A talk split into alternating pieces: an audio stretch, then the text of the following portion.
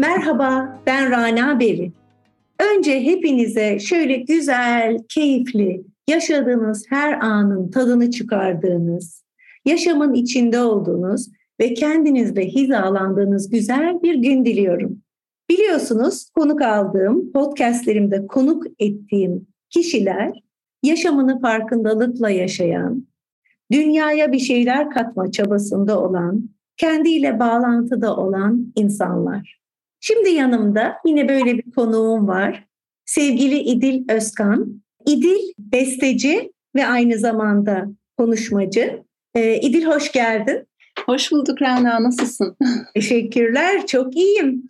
Birazcık daha müsaadenle seni e, dinleyicilerimize tanıtmak istiyorum. İdil İstanbul Devlet Konservatuarı Piyano Yüksek Bölümünden mezun oldu. Konservatuarla eş zamanlı olarak İstanbul Alman Lisesi'nde okudu. Daha sonra da Boğaziçi Üniversitesi Psikoloji bölümünü bitirdi. Boston'a giderek Berkeley College of Music'te film müziği üzerine üçüncü lisansını tamamladı. Söylenecek çok şey var ama sadece birkaç tanesini sayıyorum sevgili İdil, senin başarılı kariyerinin. Ee, İstanbul Teknik Üniversitesi MİAM'da beste üzerine master yaptığını biliyoruz. Şimdi de psikoloji ve müzik eğitimini birleştirerek müzik, film müzikleri üzerine, duygular ve yaratıcılık üzerine seminerler ve konuşmalar yapıyorsun. Sevgili İdil Özkan bir kez daha hoş geldin. Ne güzel bugün bizimlesin. ederim bu güzel tanıtım için. Ayrıca beni davet ettiğin için de çok teşekkür ederim. Umarım bizim için de herkes için de keyifli bir sohbet olsun. Ee, umuyorum ben eminim öyle olacağından. Ee, bir kere konumuz çok enteresan. Film müzikleri ve duygularımız üzerindeki etkileri. Evet, sözü sana bırakıyorum İdil. Şimdi orijinal olarak film için yazılmış bestelerden bahsedeceğim ben. Yani bir e, post prodüksiyon veya prodüksiyon aşamasında bir bestecinin tutulup bir film için orijinal yani yepyeni bir müzik yapması. Benim de bugün bahsedeceklerim onların üzerine olacak. E, şunu söylemek istiyorum. İlk e, iyi bir müzik kullanımı filmde neredeyse duyusal bir altyazı kadar büyük etki yapabilir. Yani bize e, aslında o sahnede çok belirgin olmayan duyguları, müzik çıksa çok da emin olamayacağımız hisleri çok nettir. Yani bir renk görüntüsü, bir e, ne bileyim karakterler kadar önemli bir şeydir. İyi kullanılırsa müzik.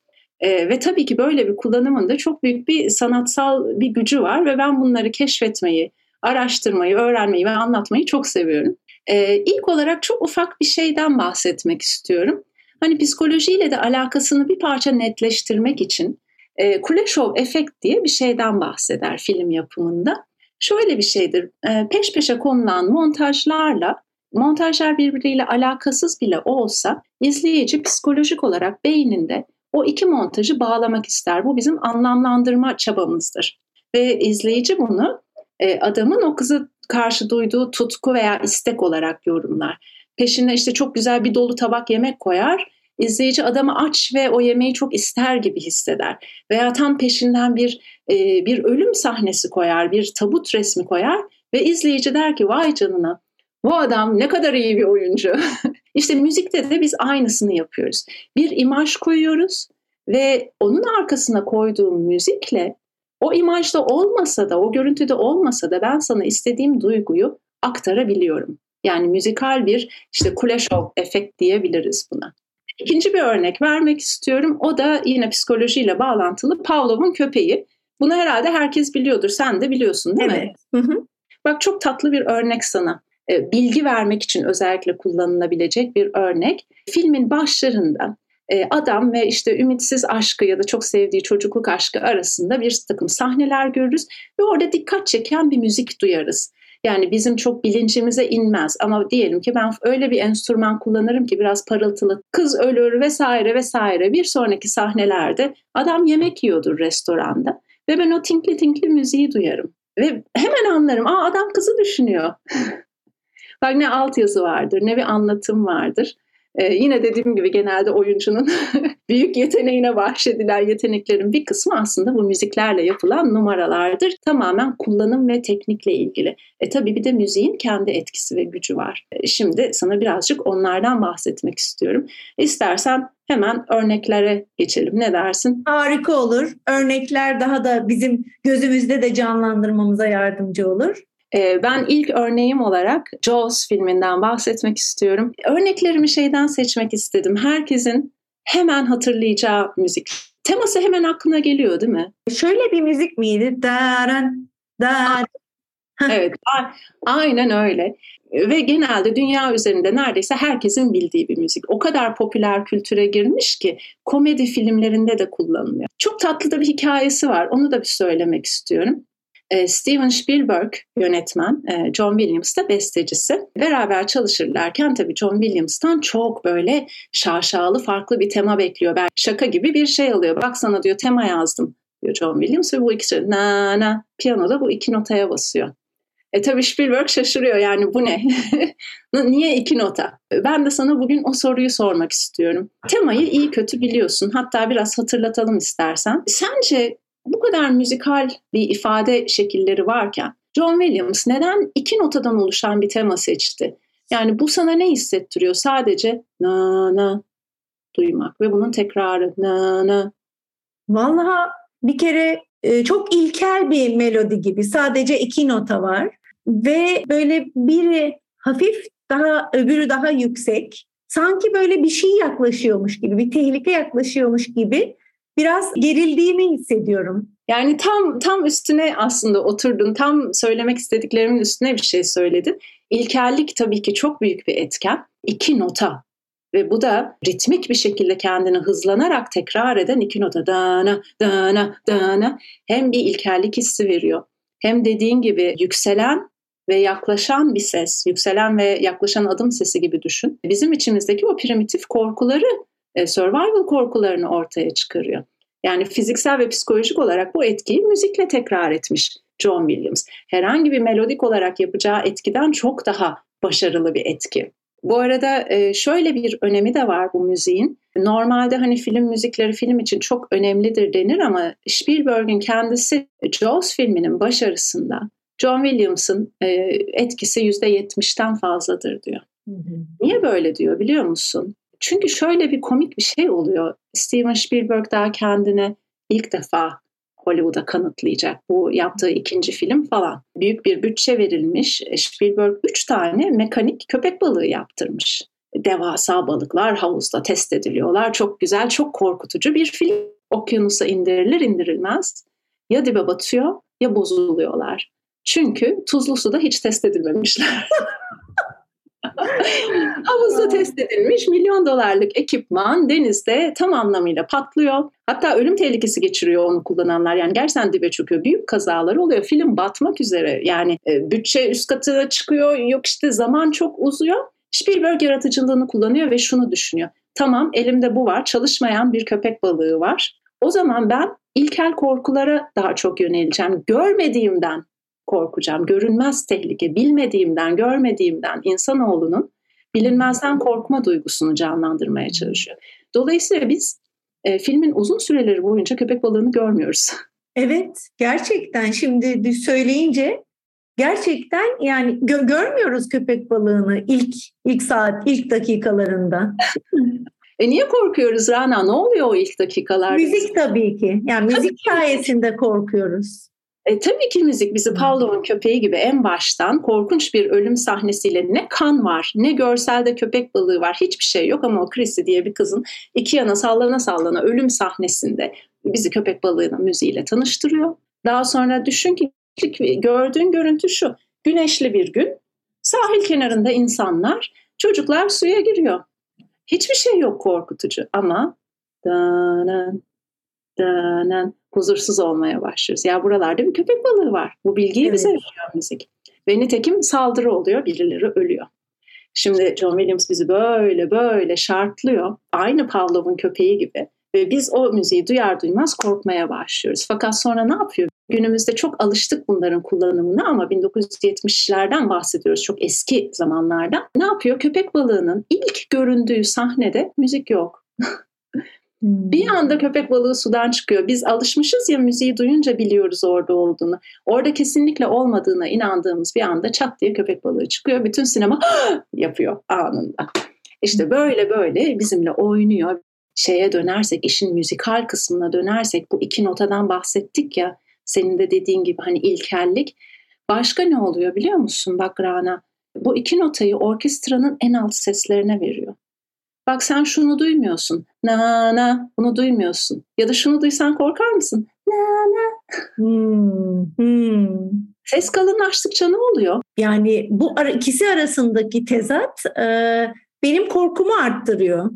E çünkü tehlikeli yaratıklardan bu sesi duymaya alışığız fiziksel dünyada yapan bir kuştan, fareden korkmuyoruz ama bu seslerin çıktığı işte ayıydı, bir avcı hayvanlardı, bir cüsse anlatıyor bize. Sesin evet. büyüklüğü cüsseyi anlatıyor. Evet, yani bizim gerçekten de o çok altta yatan, o hayatta kalma güdümüzü devreye sokuyor ve içimizdeki o korkuları adeta çıkartıyor değil mi? Aynen öyle ve çamurlu bir ses yani bizim ses kulağımızın bir frekansı var bu tam duyuyor mu diye yani tam net bile duyamıyoruz. Hmm. Yine o hmm. belirsizliğe oynuyor. E, yani haliyle ikonik bir hale geliyor. O kadar efektif ki sadece iki notada bunu yakalayabilmek. Yani ritmiyle, notasıyla, işte kullanım şekliyle, orkestrasyonuyla bir şaheser. Son olarak bir şey daha söyleyeceğim. Bu sende aynı etkiyi yapıyor mu? Na na yerine farklı iki nota kullansam na na na na böyle yapsam bu sana korku veriyor mu? Yok, hayır. Hayır. Evet. Çünkü ses aralığı e, minör ikili dediğimiz en irite eden, en rahatsız eden ses aralığındaki iki sesi kullanıyor. Dana birbirine çok yakın, aradaki farkı zor idrak ediyoruz. Kalın, çamurlu, kendini tekrar ediyor, ritmik, tehlikeli derken işte böyle bir hmm. parça yaratılmış oluyor. Gerçekten şu anda bir aydınlanma yaşıyorum. Yani o filmleri izlerken bazı müziklerde niye e, ekranın içine girmek istediğimi ya da kaçmak istediğimi daha iyi anlıyorum.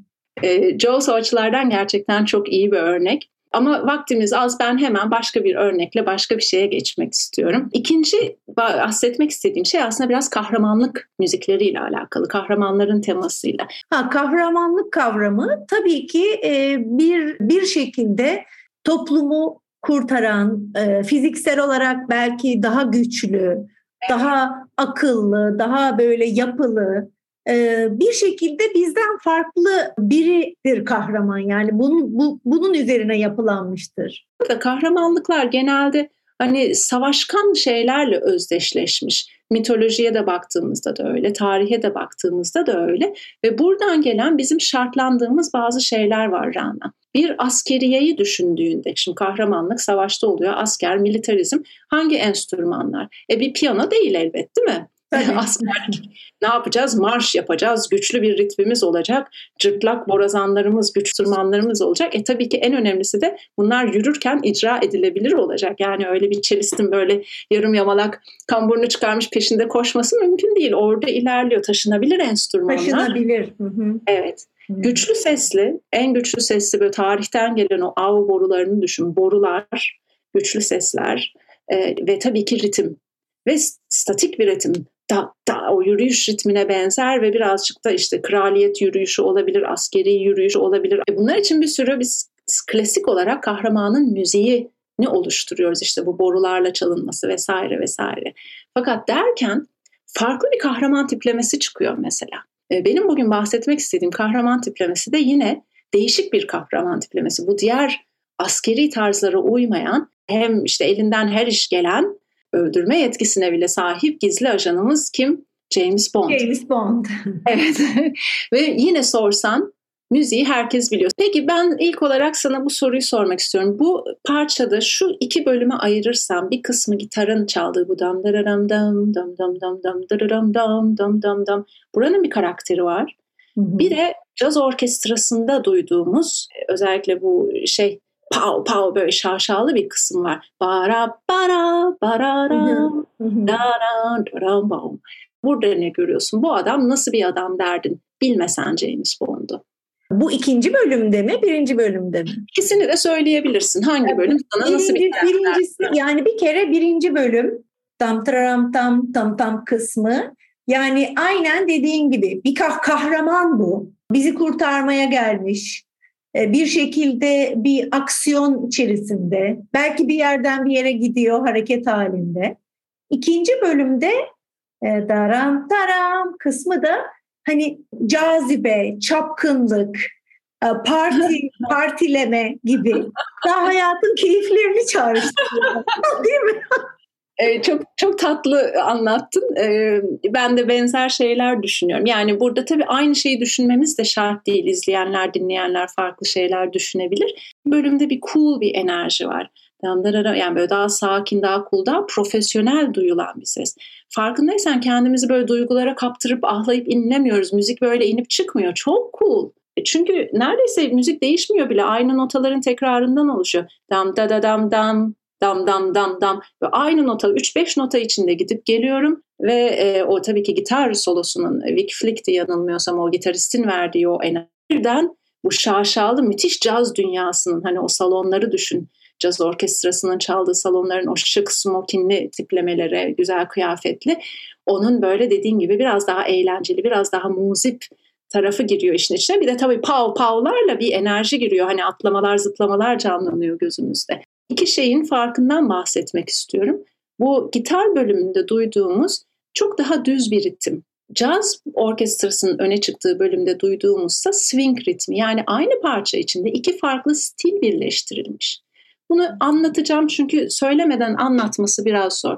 Sana bir gam yapacağım. İlk olarak düz olarak yapacağım bir mesela klasik müzisyen olarak e, gam düzgün aralıklarla yani e, aynı ritmi takip ederek ve düz çalınır. Da ra ri ra ra ra ri ra diye çaldım. Ama bir caz müzisyeni olarak ve swing yapıyorsam da da di da da da di da diye bir şey yaparım. E, bu havayla biraz daha hareket hani şu e, ne bileyim omuzlarımızdaki evet o sallanma swing hissini veririm e, aynı müzik parçası içinde hem düz hem swing ritmini kullanarak bize aslında o kadar çok şey anlatıyor ki sadece ritim üzerinden. Zamanımız biraz kısıtlı ben hani ufak ufak şeyler anlatmak istiyorum. Ve senin hissettiğin şey de benim için çok tuttu. Aslında burada isterdim ki dinleyicilerimize sormak peki siz ne hissettiniz? Size hangi duyguyu veriyor diye. Ben üçüncü örneğime farklı bir yerden almak istedim. Hani bir korku filmi yaptık, bir aksiyon teması yaptık romantik veya dramatik bir müzik olsun. E, Schindler'in Listesi filmini e, seçtim. Ben yine sana sormak istiyorum. Bu müziği dinlediğinde ne hissediyorsun? Ee, bir kere e, üzerim yani bir acı hissediyorum yani kalbimin derinliklerinden. Acı, çaresizlik, keder yani bütün bu negatif şeylerin bir iç içe geçmiş hali geliyor kalbimin ortasına oturuyor. Ee, bu film bu film gerçekten şimdi biraz daha konuşacağız ama bu müzik olmazsa bu film olmazdı bence gerçekten de. E, kesinlikle katılıyorum. Bu arada bu da John Williams. Onu da belirtmek isterim. E, Jaws'tan buraya kadar geniş bir yelpazesi var. Hatta şöyle demiş Spielberg'e filmi seyrettikten sonra çok duygulandı ve bunun için benden çok daha iyi bir besteciyle çalışman lazım dediği söyleniyor. Spielberg'in meşhur cevabı da şu olmuş. Biliyorum evet ama onların hepsi öldü. Harika, harika. Yani sanatçıya e, gerçekten layık olduğu e, değeri veren birisi Spielberg. Yani ikisinin de aynı besteci olduğunu bilmiyordum. Ayrı ayrı bu müzik bu müzikleri bilmeme ve sevmeme rağmen. Çok teşekkürler. Bu, bu, bu da çok önemli bir bilgi. İzleyicilerimiz de belki, dinleyicilerimiz de belki bu bilgiyi yeni öğreniyorlar. Aslında bu e, podcast'in altına İdil bu müziklerin linklerini koyacağız. Bir de eğer sen senin uygun gördüğün bestecinin başka e, müziklerinden de birkaç örnek koyarsak çok çok sevinirim ben de. Ya Rana'cığım yani biliyordum böyle bir şey isteyeceğini ama e, bir yandan da şey gibi hissediyorum. O kadar çok sevdiğim müzik var ki hani e, Sophie's Choice gibi böyle hadi çocukların arasından seç Evet. Ya gözünü kapatıp seç. Tercih etme öyle söyleyeyim. tamam teşekkür ederim. Birkaç örnek tabii ki vermek isterim. Schindler'in listesine dönersek gerçekten çok acılı bir müzik. E, işte minör ton dediğimiz hani majörle minör farkı oralara girmek istemiyorum. Ama e, acıyı düşün Rana. Yaşadığın acıları düşün hayatın boyunca. Ve o acılardayken nasıl hareket ettiğini düşün. Şimdi fiziksel, psikolojik yaşadığımız şeyler nedir? Acı anında yavaşlamak, durmak, hareket yetimizi neredeyse kaybetmek veya ani çığlıklar, ani ağlamalar. Yani şimdi bunları müziğe yansıtacağız. O yüzden bu örnekleri veriyorum. Bir müziğin temposunu düşün. Acıyı yansıtacak bir müzik büyük ihtimalle çok hızlı tempolu bir müzik olamaz. Bunlar kesin kurallar değil ama genelden bahsediyorum. Hmm. Tempo yavaş, adımlarım gibi yavaş. Melodi konusunda bir sürü seçenek var ama e, Schindler'in listesine baktığımızda şöyle bir şey görüyoruz. Büyük atlayan aralıklarla dolu bir melodi atlayan aralıklar dediğim şey bir sesin bir noktadan hemen yanındaki notaya değil de çok daha üstlerde veya altlarda bir notaya gitmesi. Ve Schindler's List'in e, müziğinde şunu görüyoruz. Büyük atlamalar var. Da ra diye başlıyor. Da ra ra ra zaten bir beşli aralıktayız. Da ra ra no. Çok geniş aralıklarda o keman dolaşıyor. Bir insan sesiyle söyleyecek olsak çok zor bir melodi. E, tabii ki kemancı için o kadar zor bir şey değil ya da bir enstrümentalist için. O uzak sesleri birbirine bağlarken oraya geçişler, o yukarıya çıkış, o bir anda aşağı iniş büyük dramatik bir etki yaratıyor. Bizim duygularımız zaten orada da yükselmeye başlıyor. Diğer bir çok önemli etken, bak Rana bugün bir en romantik şeyi düşün. Hani klasik klişe vardır ya, e, evlenme teklif edecek, restorana götürür kızı adam ve bir kemancı gelir keman çalar değil mi? Burada da şunu söylemek istiyorum. Bir keman veya üflemeli ben piyanistim ama piyanoda olmayan çok özel bir yeteneğe sahip. Ben piyanoda bir tuşa bastığım zaman o ses zamanla ölür. En yüksek anı bastığım andır. Ama bir keman, yaylı enstrüman veya bir üflemeli enstrümanda ben şunu yapabilirim. Sese yumuşak başlayıp diye çıkartıp indirebilirim, o sesle oynayabilirim. Yine üflemelilerde olmayıp yaylıda olan başka bir özellik de vibrato dediğimiz şu parmağını telin üzerine koyup aşağı yukarı oynatarak sesi düz değil de aa diye böyle kalbimizi titreten Evet ve, ve bendeki o, o parçanın etkisi sanki bir insanın çığlığı gibi yani bir çığlık gibi o öyle bir e, titreş, titreme geliyor bana. Öyle bir titreşim. Ağlama gibi neredeyse. Evet bana da öyle geliyor. Çok e, dramatik. Yani inanılmaz duygusal. Çok da, duyguların dilini konuşuyor tamamen ve burada şundan da bahsetmek istiyorum. Burada beste var. Bir de performans var. Bir müzik öğretmeni olarak da sıkça rastladığım sıkıntılardan biri e, müziğin sadece doğru notaları doğru zamanda çalmak gibi anlaşılması. Diğerinden bir parça daha yüksek ve bir sonrakini bir parça daha yüksek çalarak anlatabilme gücümüz. Öbür türlü performans ederi düşük çalışlar bir nevi Siri konuşması gibi oluyor. Burada da tabii Isaac Perlman e, müthiş kemancı ondan da bahsetmek lazım. Neredeyse cümle bitecek gibi oluyor ama bitmiyor biraz daha devam ediyor. İnanılmaz tutkulu, e, evet. harmonik yapısı açısından çok enteresan ve çok etkileyici bir müzik. Şunu da söylemek istiyorum. Ben Schindler's List'i isteyenler olmuştu Instagram'dan onu da yapsana falan diye. İlk defa burada seninle konuşuyorum.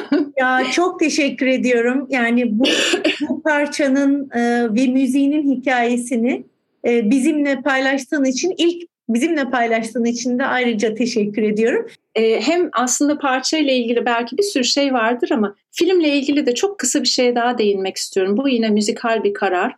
Ana temasıyla değil de başka çok meşhur bir sahnesi vardır filmin. Kırmızılı Kız.